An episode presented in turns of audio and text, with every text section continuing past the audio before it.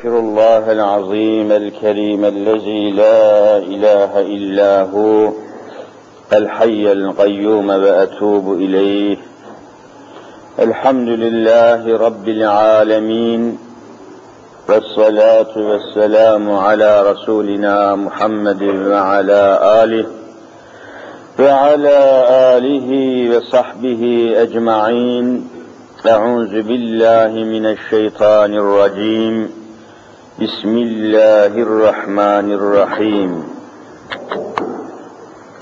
رب اشرح لي صدري ويسر لي أمري واحلل عقدة من لساني يفقه قولي. آمين. بحرمة حبيبك الأمين. أما بعد فالأول الله والآخر الله والظاهر الله والباطن الله.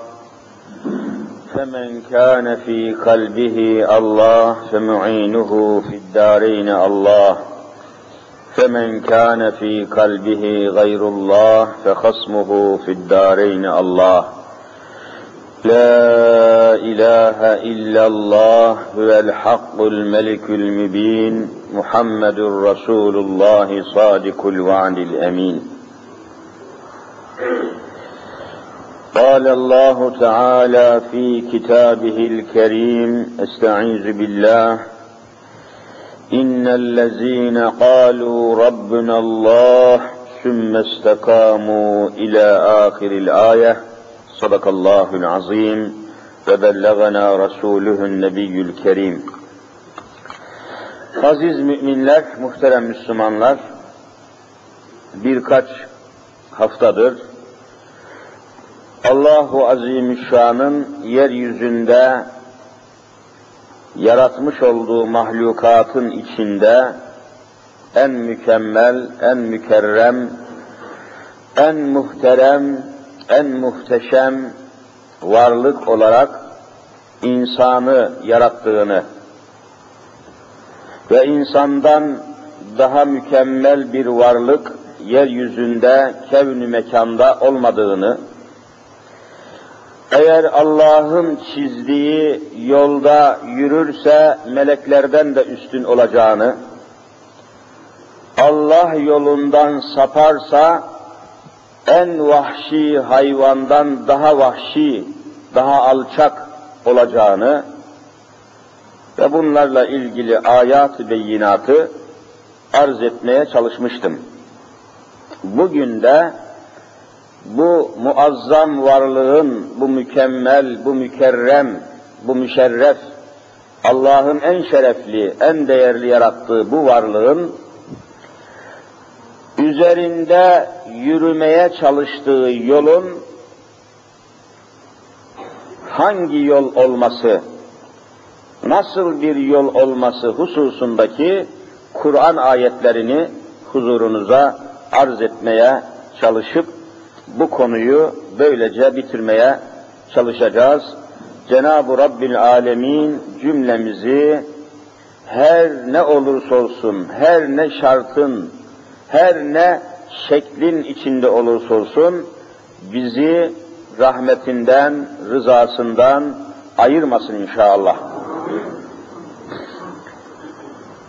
Kardeşler, bütün dünyanın insanları, tabi türlü inançların, türlü düşüncelerin, kanaatlerin içinde olan bir cümle dünyanın insanları bir hususta ittifak ediyorlar. Yani ittifak ettikleri, birleştikleri bir nokta var. O da şudur. Mutlaka insanlar toplu halde yaşamaktadırlar. Dağların başında, tek başına, yalnız başına yeryüzünde yaşamak mümkün değil. İnsanın yaratılışı, insanın ihtiyaçları, arzuları, istekleri, zaruretleri, sıkıntıları, neslinin devam etmesi, birbiriyle evlenmek suretiyle neslini üretmesi gibi özellikleri sebebiyle insanlar toplu halde yaşamak zorundadırlar. Bu hususta bütün dünya insanları ittifak halindedir. İnsanlar toplu halde, beraberce, belli bir zeminde, belli bir mekanda, bir arada birbiriyle kaynaşarak, evlenerek, anlaşarak, toplaşarak yaşamak zorunda olan bir varlıktır diyerek burada ittifak ediyorlar. Bunun aksini söyleyen yok. Aksini iddia eden yok. Dolayısıyla bir arada yaşayan insanların birbirleriyle olan münasebetlerini, alışverişlerini, davranışlarını, hareketlerini, birbiriyle olan çeşitli sosyal münasebetlerini, iktisadi münasebetlerini, anlaşamadıkları hususlarda nasıl anlaşmaları icap ettiğini ve bütün bu hususları içine alan bir düzen, bir sistem hususunda da bütün dünya insanları yine ittifak halindedir. Madem ki insanlar bir arada yaşayacak, toplu halde yaşayacak, köy halinde, kasaba halinde, şehir halinde yaşayacaklar, bu insanların birbiriyle görüşmeleri olacak, konuşmaları olacak, alışverişleri olacak, mal alacaklar, mal verecekler, kız alacaklar, kız verecekler, icabında hata edecekler, icabında savaş yapacaklar, icabında barış yapacaklar, gerekirse anlaşmazlıklar çıkacak, bu anlaşmazlıkları halledecekler, mahkeme olacak, savcı olacak, hakim olacak, birbirlerinin güvenliğini korumak için asker olacak, jandarma olacak, polis olacak, öyle ya insanlar bir yaşıyor. Dertleri olacak, davaları olacak, kavgaları olacak, kötülükler olacak, iyilikler olacak, düşmanlıklar, dostluklar. Bütün bunlar için, bütün bunları düzenleyen, bütün bunları planlayan bir takım kanunların olmasına, bir sistemin bulunmasına, bir idarenin bulunmasına da ihtiyaç olduğunu bütün dünya insanları kabul ediyor. Yani insanlar bir araya gelsin ama aralarında kanun, nizam olmasın diyen yok. Madem ki insanlar bir araya geliyor, beraber yaşamak zorundadırlar, birbirleriyle alışveriş etmek zorundadırlar. E ne olacak? E bu insanların davranışlarını, her türlü hareketlerini, temaslarını, teşebbüslerini, gayretlerini düzenleyen, planlayan bir takım kanunlar, esaslar, maddeler lazım mıdır, değil midir deyince bütün dünya insanları lazımdır diyor. Kimse burada aksini düşünmüyor, aksini savunmuyor. Ancak bütün ihtilaflar, karışıklıklar, sıkıntılar, sarsıntılar, bunalımlar ve savaşlar, belalar şimdi açıklamaya çalışacağım noktadan çıkıyor. Ayrı düşünceler, ayrı fikirler, ayrı arzular, ayrı davranışlar işte bu noktadan sonra başlıyor. Şimdi bu hususu gündemde tutmak lazım. Şu asırda, şu devirde, daha güncel bir tabirle şu çağda çağımız dediğimiz yani içinde yaşadığımız şu asra, şu zamana çağımız diyorlar. Yani aynı çağda yaşıyoruz. Dolayısıyla bu çağın, bu zamanın, bu devrin, bu asrın en büyük problemi işte buradan başlıyor. Tamam insanı kabul ediyorlar. İnsanların tek başına yaşayamayacağını, toplu halde yaşamak zorunda olduğunu da kabul ediyorlar. Toplu halde yaşarken birbirleriyle olan münasebetlerini tanzim edecek kanunların lüzumuna da inanıyorlar. Bir takım usullerin, asılların, esasların, düzenlerin, nizamların, kanunların mutlaka lüzumunu da kabul ediyorlar. Ancak işte bu noktadan sonra ihtilaf başlıyor. O da şöyle oluyor. İnsanların birbirleriyle olan münasebetlerini, ticaretlerini, ziraatlarını, siyasetlerini, idarelerini, bir cümle insani münasebetlerini, insanların insanlarla olan münasebetlerini, insanların tabiatla olan münasebetlerini, düzenleyen, planlayan kanunları, esasları, usulleri, yöntemleri, yönetimleri, yine insanlar, insanlar üzerine hakim olmak suretiyle bu kanunları, bu nizamları, bu düzenleri, bu sistemleri insanlar mı insanların üzerinde hakim olarak koysun, yoksa insanları yoktan yaratan Allahu Teala mı bu esasları koysun? Şu anda bütün dünyanın kavgası bu.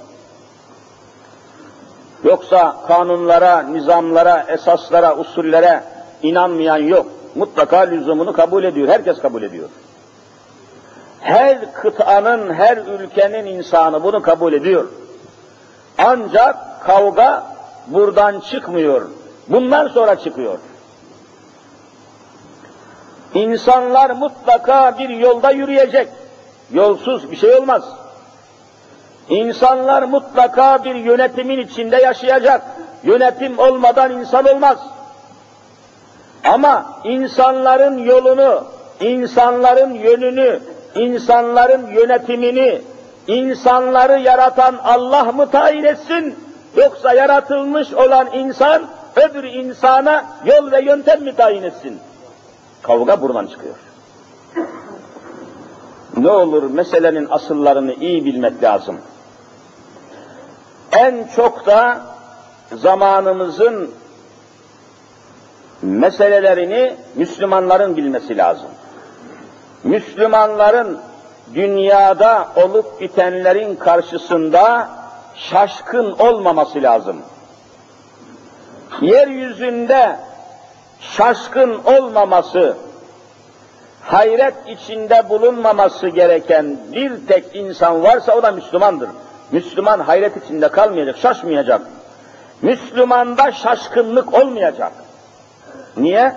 Zaten bütün hususları, usulleri, meseleleri Kur'an-ı Kerim belirtiyor, bildiriyor. Şaşmaya gerek yok. Şaşırmaya sebep yok. Eğer gerçek manada Kur'an'ın getirdiği esasları biliyorsa, bu bilgiler dahilinde hayatını devam ettiriyorsa, hiçbir olay karşısında Müslüman şaşkınlığa düşmez. Bu da nereden çıktı demez. Bu da nasıl oldu demez. Çünkü Kur'an 14 asır önce böyle hadiselerin, böyle sıkıntıların, böyle sarsıntıların ve daha buna benzer milyonlarca hadisenin haberini çok önceden veriyor. Çok önceden insanlara, bahusus Müslümanlara duyurmuş oluyor. Şimdi soruyu tekrar soruyorum. Madem ki insanlar toplu halde yaşamak zorundadırlar, madem ki toplu halde yaşarken bir takım usullere, esaslara, kanunlara, sınırlara, hudutlara, nizama, düzene ihtiyaç vardır. İnsanlar arasındaki bu nizamı, bu düzeni, bu kanunları, bu esasları, bu usulleri yine insanlar mı belirlesin, yoksa insanları yaratan Allah mı belirlesin? Soru budur. Bütün meselelerin aslı ve esası kavgaların, rejimlerin, ihtilallerin, intikamların temel sebebi budur. İnsanların yönetimlerini Allah mı tespit etsin, yoksa insanların nasıl idare edileceğine yine insanlar mı karar versin? Allah mı karar versin, insan mı? Kavga bu. Bir türlü bitmeyen kavga dünyada. Ardı arkası kesilmeyen kavga dünyada. Buradan başlıyor. İnsanların idaresini, insanların yönetimini, insanların sevk idaresini Allah'ın koyduğu esaslara göre mi tanzim edelim, yoksa Allah'ı karıştırmayıp da insanların koyduğu esaslara göre mi tanzim edelim? Hadise budur. Acaba anlaşıldı mı, anlaşılmadı mı ne dersiniz? Sorunun anlaşılması lazım ki cevap da anlaşılsın. Bir meselenin suali anlaşılmadıysa cevap anlaşılmaz. Sual anlaşılması lazım. Allah'a yemin ile ifade edeyim ki, alemi İslam'ın problemi budur.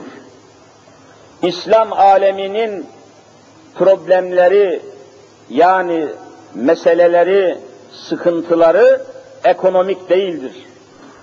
İktisadi değildir. Evvela itikadidir. İtikat. İslam, dini İslam, insanlar arasındaki meseleleri iktisada dayandırmıyor. Ya neye dayandırıyor siz söyleyin?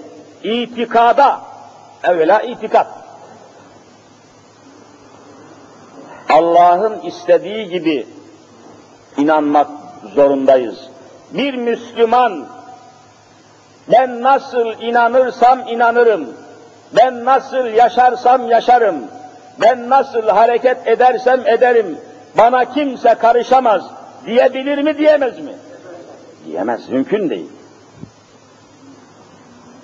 Ben nasıl giyinirsem giyinirim, ben canımın ne iste, istediği ne varsa alırım yerim, mülkiyetimi istediğim gibi kullanırım, insanlar arasında istediğim gibi serbest hareket ederim diyemez.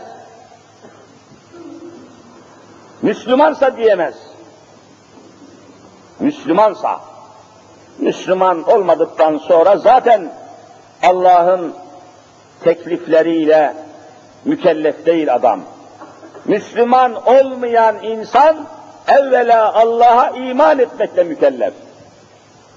Namaz kılmakla, oruç tutmakla, doğru olmakla, haram yememekle değil. Hepsinden, hepsinden önce neyle mükellef bir gayrimüslim? Siz söyleyin. İman etmekle. Allah'ın istediği gibi inanmak. Allah'ın istediği gibi inanmak. Yani filozofların istediği gibi, bir takım rejimlerin istediği gibi, sistemlerin istediği gibi, tağutların istediği gibi inanmak değil. Allah ve Resulünün istediği gibi inanmak. Ama üzülerek ifade edeyim ki, zamanımızın en büyük bunalımı buradan kaynaklanıyor. Bugün içinde bulunduğumuz sıkıntıların, toplumu derinden derine etkileyen bunalımların, maddi ve manevi bütün sıkıntı ve sarsıntıların temelinde iktisadi değil, itikadi bozukluklar ve sapıklıklar yapmaktadır. İşte evvela buradan başlıyor meselemiz. İnsanların toplu halde, şehir halinde, kasaba halinde, köy halinde bir araya gelince bir yönetim icap ediyor. Köyde mesela yönetimin başında muhtar bulunuyor. İlla bir muhtar olacak. Muhtarsız mahalle, muhtarsız köy olur mu ya?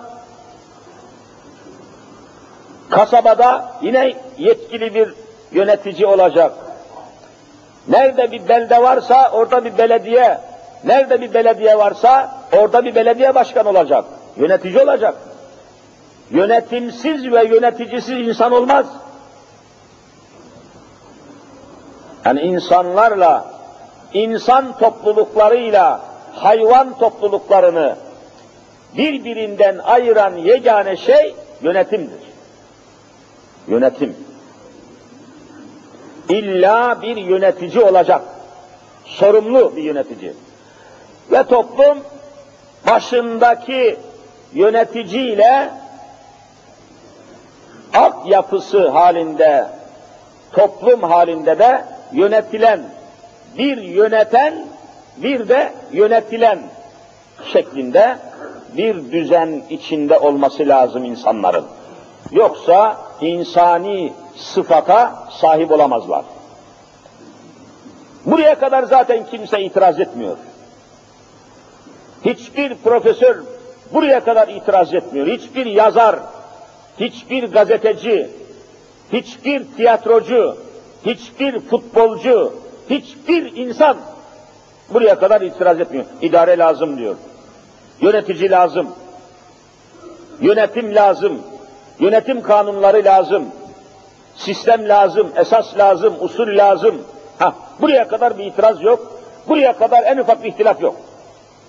Ancak işte bundan sonra başlıyor. İnsanlara madem ki bir yönetim lazım, insanların başına madem ki bir başkan, bir yönetici lazım, bu yönetimin esaslarını, kanunlarını, usullerini, nizamı, düzeni Allah'ın koyduğu esaslara göre mi ayarlayalım, yoksa Allah'ı karıştırmayıp kendi kafamıza göre mi ayarlayalım? İçimizden seçtiğimiz adamlar mı bu kanunları tanzim etsin? İşte meselemiz ve bütün içtimai dertlerimiz buradan başlıyor.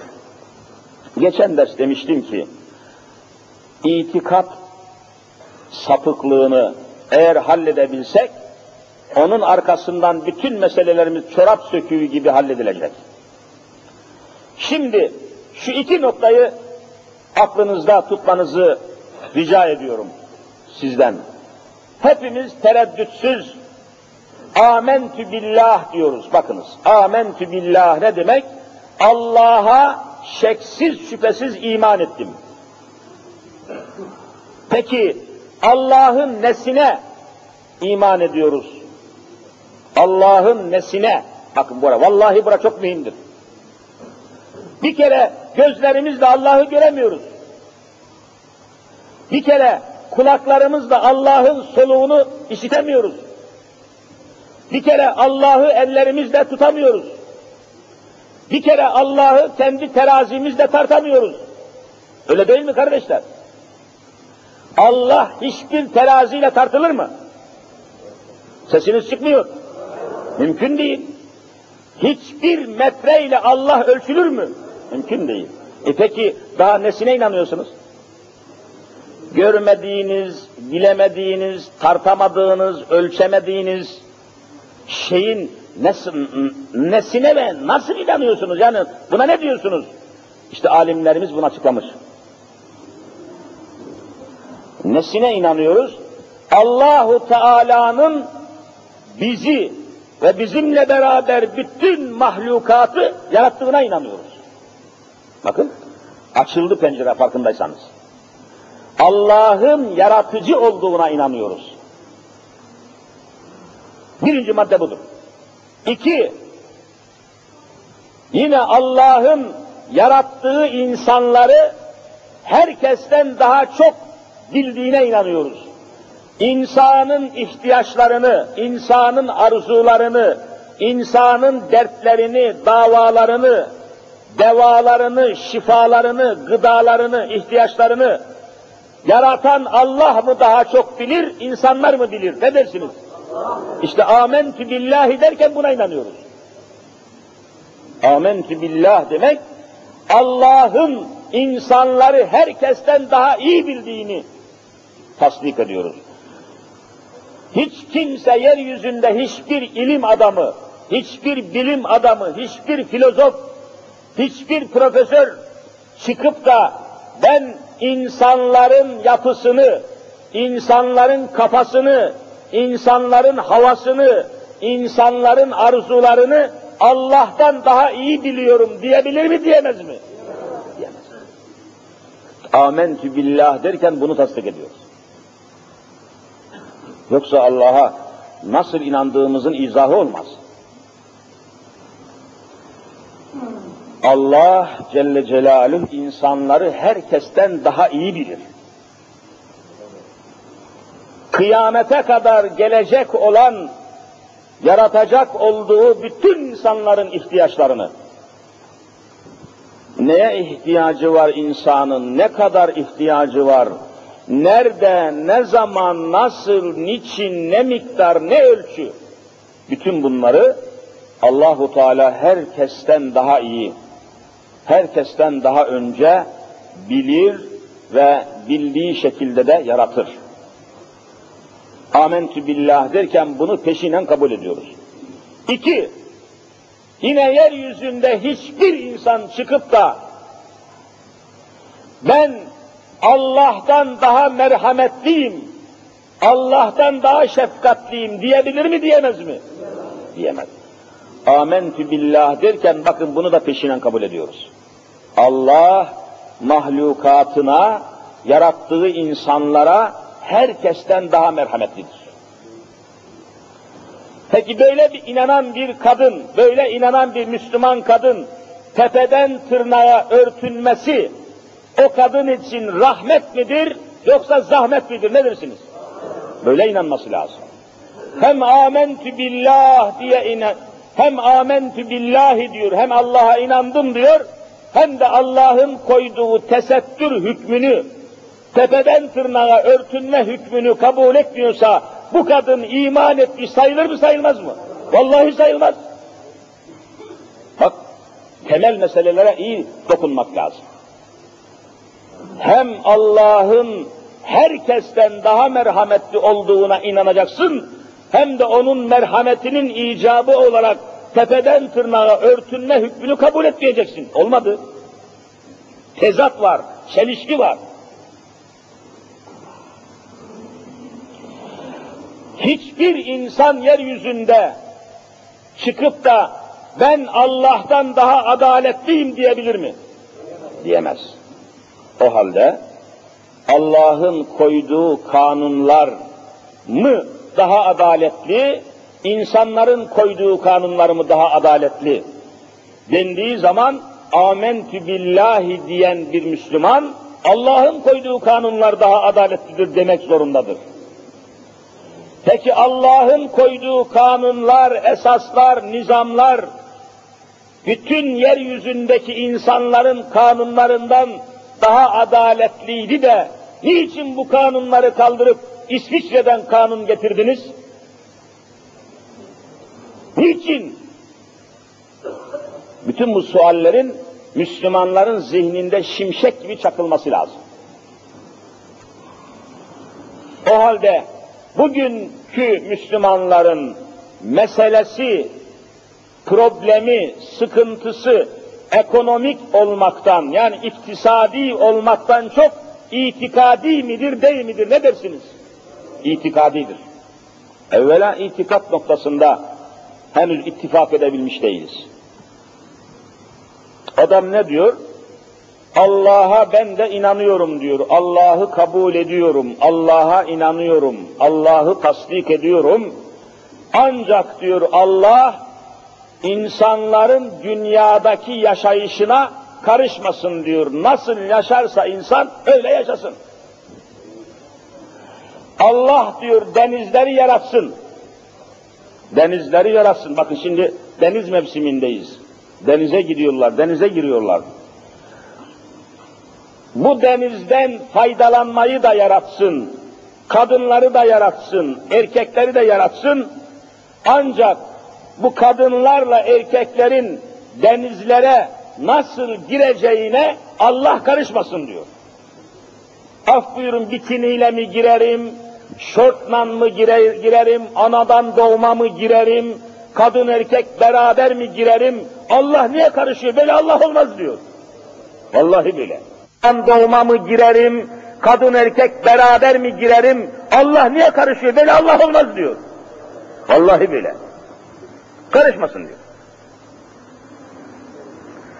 Allah dünyayı yaratsın diyor, yiyecek maddeleri yaratsın, proteinleri yaratsın, kaloriyi yaratsın, etleri, sütleri, balıkları, mahlukları yaratsın, insanları da yaratsın, bu etlerden, sütlerden, yiyecek maddelerinden, içecek maddelerinden hangisini yiyeceğimize, hangisini yemeyeceğimize Allah karışmasın, Allah çekilsin diyor.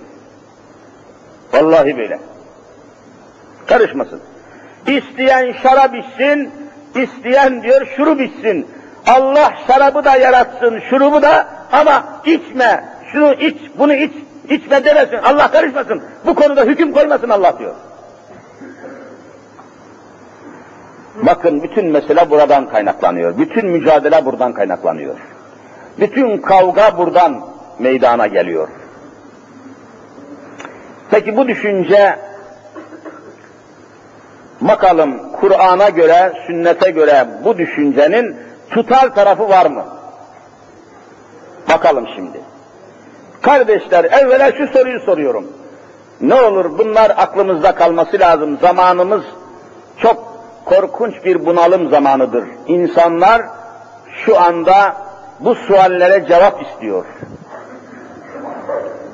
Bütün boyutlarıyla, bütün geniş teferruatıyla bu suallere bu günümüzün gençliği, günümüzün insanları görülmemiş bir arayış içindedir. Arıyor, arıyor, arıyor. En doğrusunu aramaya çalışıyor. Bu konuların gündemde tutulması lazım. Anlatılması lazım, anlaşılması lazım. Her Müslümanın bunları bilmesi lazım. Vallahi farz-ı ayındır, namaz kılmak gibi. Şimdi soruyorum soruyu. Eğer Allahu Teala insanları yaratıp dünyaya gönderdikten sonra hani insana akıl veriyor, fikir veriyor, kabiliyet veriyor, kafa veriyor, beyin veriyor, zihin veriyor, hafıza veriyor, bir takım yapma, icat etme, bulma kabiliyetleri hepsini Allah tamam. Buraya kimse itiraz etmiyor. Böylece insanı yaratıp dünyaya gönderdikten sonra dünyaya gönderdikten sonra haşa Allah deseydi ki ey insanlar tamam ben sizi yarattım. Akıl da verdim ilim de verdim fikir de verdim irade de verdim azim de verdim karar da verdim. Artık ben sizin hayatınıza nasıl yaşayacağınıza nasıl evleneceğinize, nasıl çoluk çocuk sahibi olacağınıza, nasıl hükümet kuracağınıza, nasıl devlet kuracağınıza, nasıl siyaset yapacağınıza, nasıl ticaret yapacağınıza ben artık karışmıyorum. Nasıl bilirseniz öyle yapın. Ben sizin dünyanıza, devletinize karışmıyorum. Benim dinimin emirleri ayrı, sizin dünyanız ve devletiniz ayrı. Ben devletinize, hayatınıza karışmıyorum deseydi, yeryüzüne peygamber göndermeye gerek var mıydı yok muydu? O zaman peygamber hiç gerek yok. Yani bu noktaları çok iyi bilmemiz lazım. Tartışırken temel esasları bilmek lazım. E madem Allah hayatımıza karışmayacaktı, ben sizi yarattım, daha hiçbir şeyinize karışmıyorum. Ne yaparsanız yapın. Aklınızla, ilminizle, kendi becerinizle, başarınızla, düşüncenizle yolunuzu kendiniz bulun. Hükümetinizi kendiniz kurun. Devletinizi bildiğiniz gibi kurun. Siyasetinizi bildiğiniz gibi yapın. Ben sizin idarenize, yönetiminize, yöntemlerinize karışmıyorum deseydi, yeryüzüne peygamber gelir miydi gelmez miydi? Vallahi gelmezdi. Ama ne kadar peygamber gelmiş yeryüzüne? 124 bin peygamber. Ya bakın, işte mesele buradan başlıyor. Demek ki Cenab-ı Hak bizi yaratıp yeryüzüne insan olarak gönderdikten sonra istediğiniz gibi yaşayın dememiş, bizi kendi halimize, kendi kafamıza, kendi kavgamıza, kendi keyfimize, kendi arzumuza bırakmamış, kılavuz olarak peygamber, kanun olarak da kitap göndermiştir. Amentü billahi, bakın ve melaiketihi, devam edin, ve kütübihi, bak kütüp, kitaplar demek. Devam edin, ve rusulihi, peygamberler. Peygamberlerin geliş sebebi hayatımızı nasıl düzenleyeceğimizi göstersinler diye. Düzen meselesi var. Kendi halimize bırakmadığını, kendi keyfimize bırakmadığını gösteriyor Cenab-ı Hak peygamber göndermekle, kitap göndermekle. O halde din işleri ayrı olsun, devlet işleri ayrı olsun, dinin esasları, dinin hükümleri dünyaya ve devlete karışmasın diyen adam vallahi peygamberi inkar ediyor, billahi peygamberi inkar ediyor. Peygamber yol göstermek için geldi. Dünya işlerinde devlet nasıl kurulur, hükümet nasıl yapılır, siyaset nasıl yapılır, ülke nasıl yönetilir, savaş nasıl yapılır, barış nasıl yapılır, savaşta esirlere ne muamele yapılır, toplumdan vergi nasıl toplanır, vergi kimlere dağıtılır, bütün bunları tertip eden kanunların uygulamasını Hz. Muhammed Mustafa gösterdi mi göstermedi mi? E peki nasıl oluyor itikadımızda deminki söz nasıl bağlaşıyor? Buraları çok iyi anlamamız lazım. İtikadi meseledir. O halde bizim ülkemizin hatta tümüyle dünyamızın bir numaralı meselesi iktisadi değil itikadidir. Evvela itikat hususunda ittifak etmek lazım. İtikat.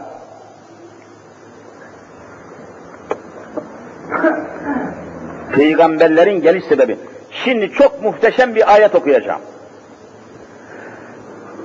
Keşke bu ayetler orijinalleriyle, asıllarıyla bizi dinleyen cemaatimizin kafasında kalabilseydi. Keşke. Ve çok büyük bir örnek teşkil ettiği için Hazreti Musa'dan misal vereyim. Kur'an'dan aldığım bir ayet-i kerimeyle Hazreti Musa sallallahu aleyhi ve sellem Efendimiz'den büyük peygamber, çok büyük peygamber Hazreti Musa. Ve şunu açıkça, samimi olarak ifade edeyim ki, bugünkü Musevilerin, Allah şahittir ki bugünkü Yahudilerin Hazreti Musa ile hiçbir alakası yoktur. Hiçbir alakası yoktur. Hazreti Musa hak peygamberdir. Allah'ın nebisidir, Resulüdür, Allah'ın dostudur. Yahudiler ise Allah'ın düşmanıdırlar. Hiç arada bir münasebet var mı Müslümanlar? Yahudiler yeryüzünde Allah'ın en büyük düşmanlarıdır. Hazreti Musa da Allah'ın dostudur. Şimdi bir münasebet kurabiliyor musunuz? Hazreti Musa'dan misal veriyorum. Bakınız, Hazreti Musa tabi uzun bir hadise. Vaktimiz sınırlı olduğu için oraya girmeyeceğim. Nihayet peygamber olarak peygamber sıfatıyla Hazreti Musa'ya peygamberlik verildi. Peygamberliğini açıkladı. Ortaya koydu. Peygamberliğini açıklamanın manası bir peygamber peygamberliğini hangi kelimeyle açıklar diye sorsam içinizde cevap verecek kardeşlerimiz olur mu? Hangi kelimeyle peygamberliğini açığa vuruyor peygamberler? Tevhid kelimesiyle. La ilahe illallah. Bu kadar. Ondan sonrası peygamberliğin ikinci cümlesidir. Yani La ilahe illallah Musa Resulullah. O zaman tabi.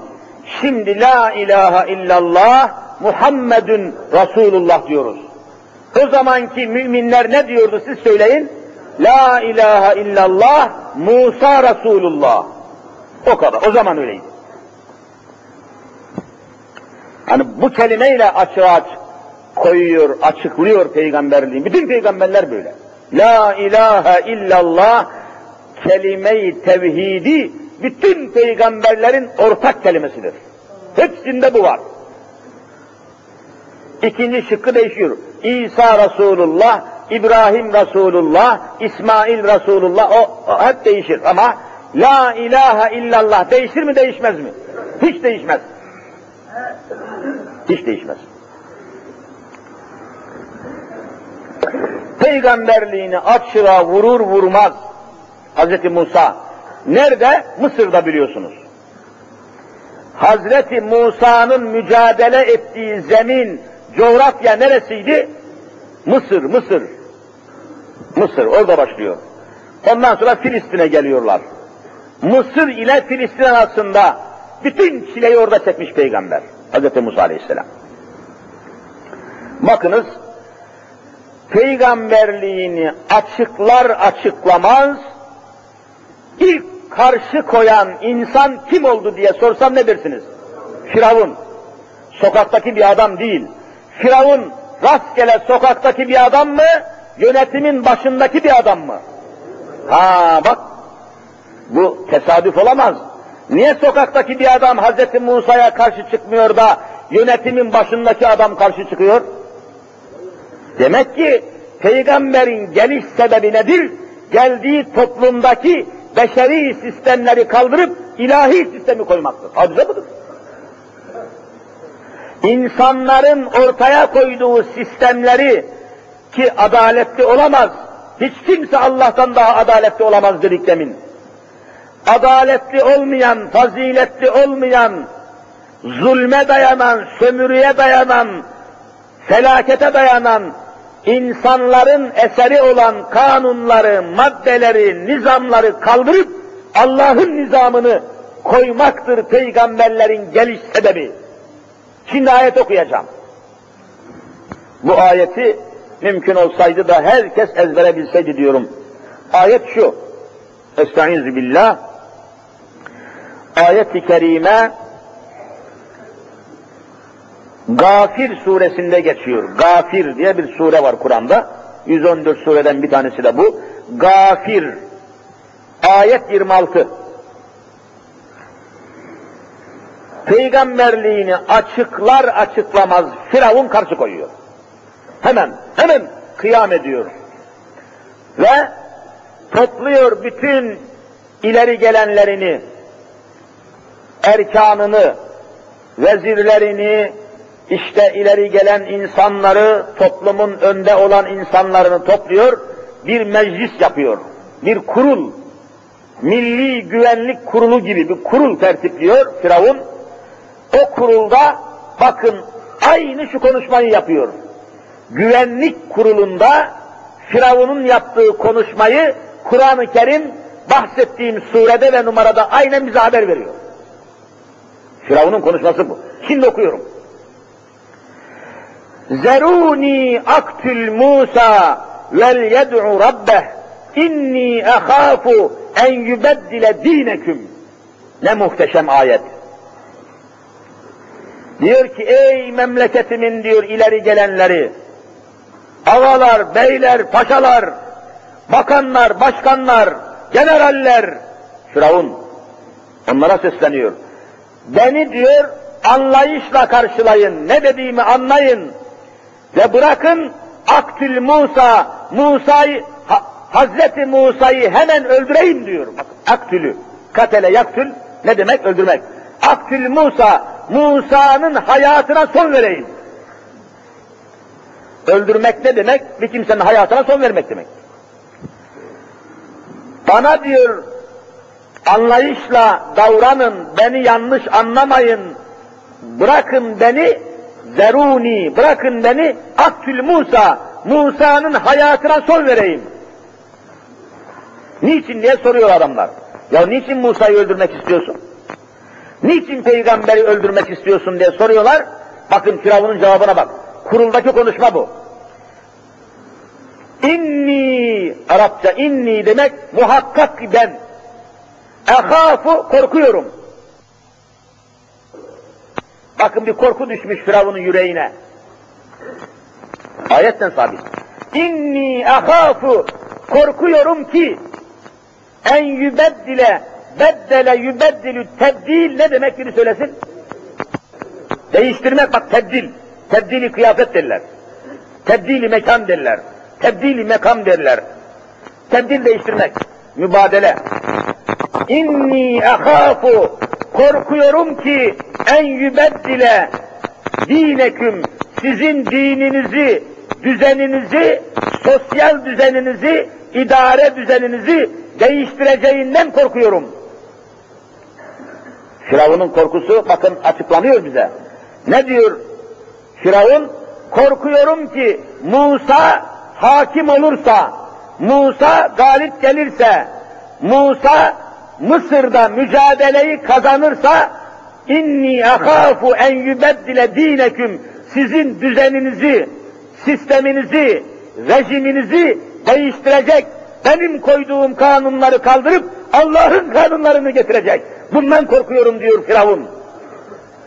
Şimdi burada Hz. Musa'nın gayesi belli oldu mu olmadı mı?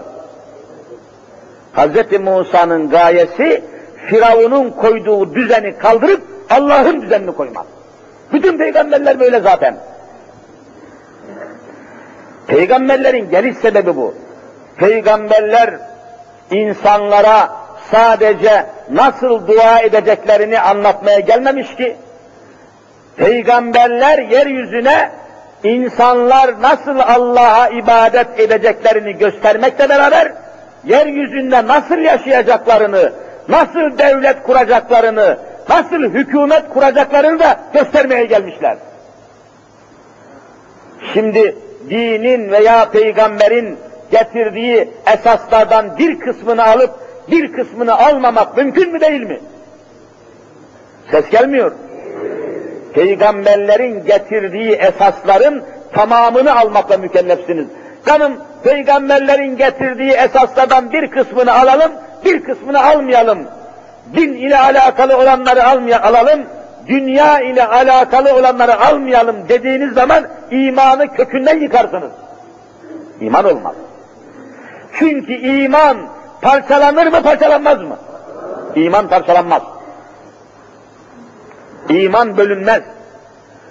Efendim amentü billahi ve melaiketihi kabul ediyorum ve kütübihi ve rusulihi kabul etmiyorum dese bu kişi mümin olur mu olmaz mı? Olmaz. İman bölünmez.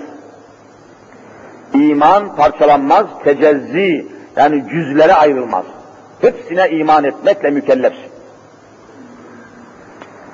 Onun için peygamberler hangi ülkeye, hangi bölgeye, hangi beldeye, hangi kavme, hangi kabileye gelmişlerse o peygamberlerin gayesi o toplumu düzenleyen beşeri kanunları kaldırıp Allah'ın kanunlarını oraya yerleştirmektir gayeleri. Bütün peygamberlerin gayesi bu. Bunun dışında peygamber yoktur. Peygamberler sadece dua, dua etmeyi öğretmek için gelmiştir. İnsanların hayatına karışmamıştır diyebilir misiniz, diyemez misiniz? Diyemezsiniz. Bütün hayatımıza, bütün sistem olarak, düzen, nizam olarak hayatımıza esaslar getirmiş ve getirdiğini de tatbik ederek göstermiştir.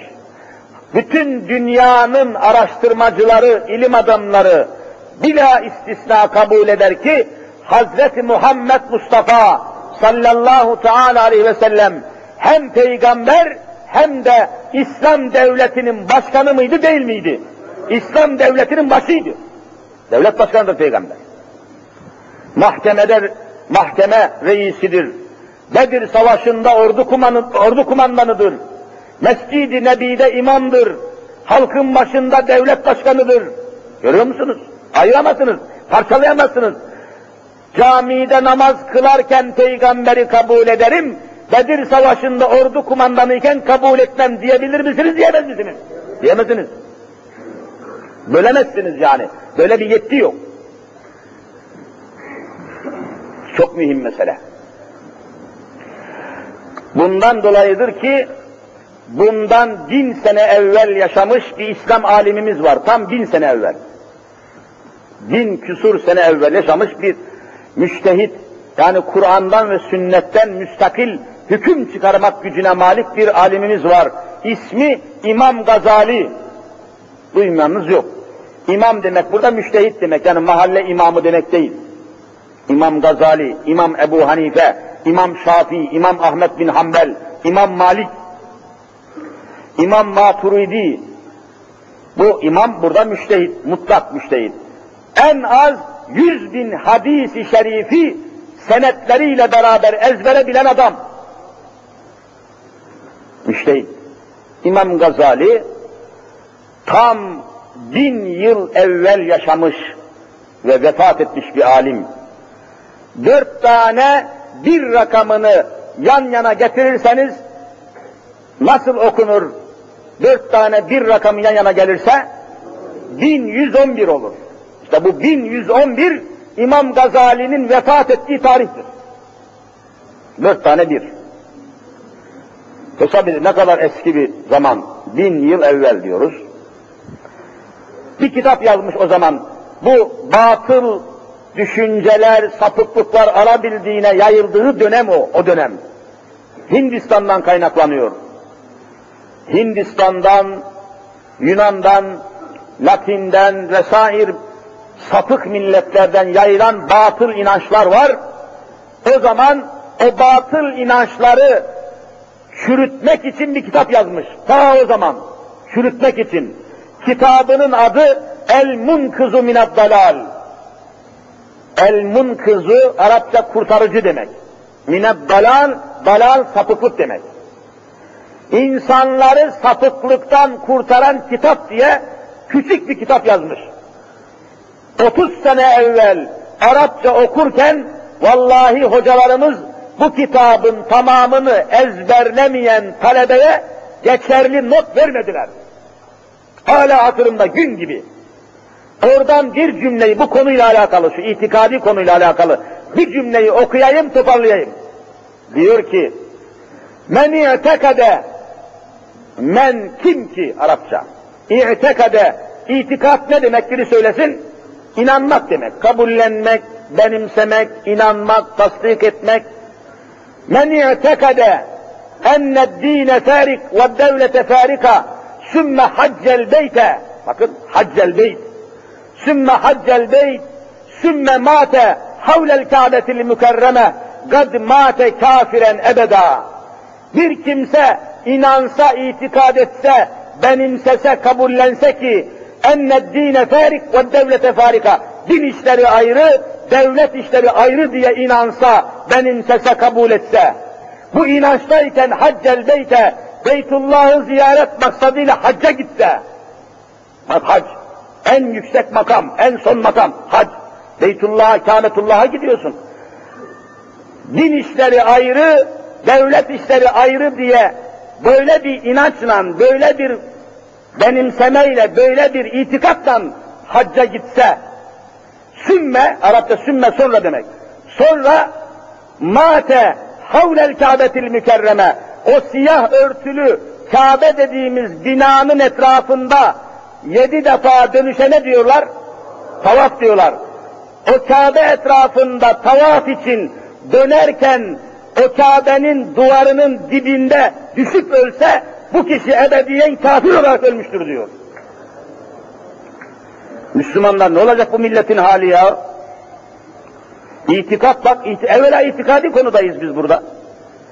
İtikadınızı Kur'an'a ve sünnete göre ayarlamadan Beytullah'a giden vallahi cehenneme gider. İtikat çok mühim. Din işleri ayrıymış, devlet işleri ayrıymış. Bunu Kur'an'ın neresinde bulabilirsiniz, neresinde bulabilirsiniz? İşte bakın, devlet diye bir şey kalmadı Türkiye'de. Ormanlar yanıyor, kaynaklar yanıyor, hazine, hazine soyuluyor, bütçe soyuluyor, bakanlar makam kavgası yapıyor, fakirler eziliyor, yetimler eziliyor, memurlar eziliyor, hayat mahvolıyor. Hani devlet? Hani ya gösterin? Yunanlılar savaşa hazırlanıyor, Rumlar, Sırplar, Ruslar vallahi savaşa hazırlanıyor, bizimkiler de bakanlığa hazırlanıyor. Memleket İslam Türk tarihinin en karanlık günlerini yaşıyor. Ondan sonra yığın yığın işsizlik, yığın yığın problem, Fakirlik, sefillik, rezillik, paramızın değeri sıfır. Ondan sonra din işleri ayrı, devlet işleri ayrı. Sen kimseye bunu yutturamazsın. Müminler ben İslam'ı anlatıyorum. Bakın vallahi ayetten söylüyorum. Din işleri ayrı, devlet işleri ayrı diyen Allah'ı şahit tutarak söylüyorum ki ebedi kafir olur. Mümin sıfatını kaybeder. Ben ebedi cehennemde kalmanızı istemiyorum. Yerin dibine batsın dünya. Bugün var yarın yok. Ama ebedi hayatınız çok mühim. Ne olur Müslümanlar, yanlış anlamayın, eksik anlamayın. Ben hiçbirinizin cehenneme gitmesini istemiyorum. Dünya, hepimiz faniyiz, gelip geçiciyiz, gelip buradan göçücüyüz. Bakın işte şu camide uzun zamandır namaz kılan, 75 küsur yaşında camimizin müdavimlerinden, cemaatlerinden bir Karadenizli bir kardeşimiz, işte geçen cuma buradaydı yani. Bugün hakkın rahmetine kavuşmuş, namazdan sonra cenaze namazını kılacak. Yani içinizde akşama sağlıkla evinde bulunacağına dair hiçbirinizin senedi sepeti var mı ya? Mümin olarak ölmek lazım. Vallahi Kur'an bu noktaya çok ısrar ediyor. Ya eyyühellezine amenüttekullâhe hakka tukatih. Ey müminim diyenler Allah'tan hakkıyla korkun. Ve la temutunne illa ve entüm müslimun. Ve la temutunne ölmeyin demek Arapça ölmeyin. İlla ancak ölün ve entüm müslimun. Müslüman sıfatıyla ölün. Derdimiz bu. Bütün dünya sizin olsa sonunda nasip olacaksa bir kefenle geçip gidiyorsunuz. Ne kalıyor burada zaten? Ne götürebiliyorsunuz ki? Ama imanla gitmek lazım. İmansız göçmekten daha büyük felaket yoktur. Ama e canım ben imansız mıyım? Allah ve Resulünün anlattığı gibi inanmakla mükellefsin. Papazlar da inanıyor. Papazın imanı kabul mü değil mi? Vallahi değil. Şu Kur'an-ı Kerim'e göre bütün papazlar kafirdir, ebedi cehennemliktir. Allah'a inanmanın bir yöntemi var, bir usulü var, bir aslı var, bir metodu var ya. Herkes inanıyorum diyor, olmaz öyle şey. Kur'an ve sünnet çerçevesinde inanacaksın.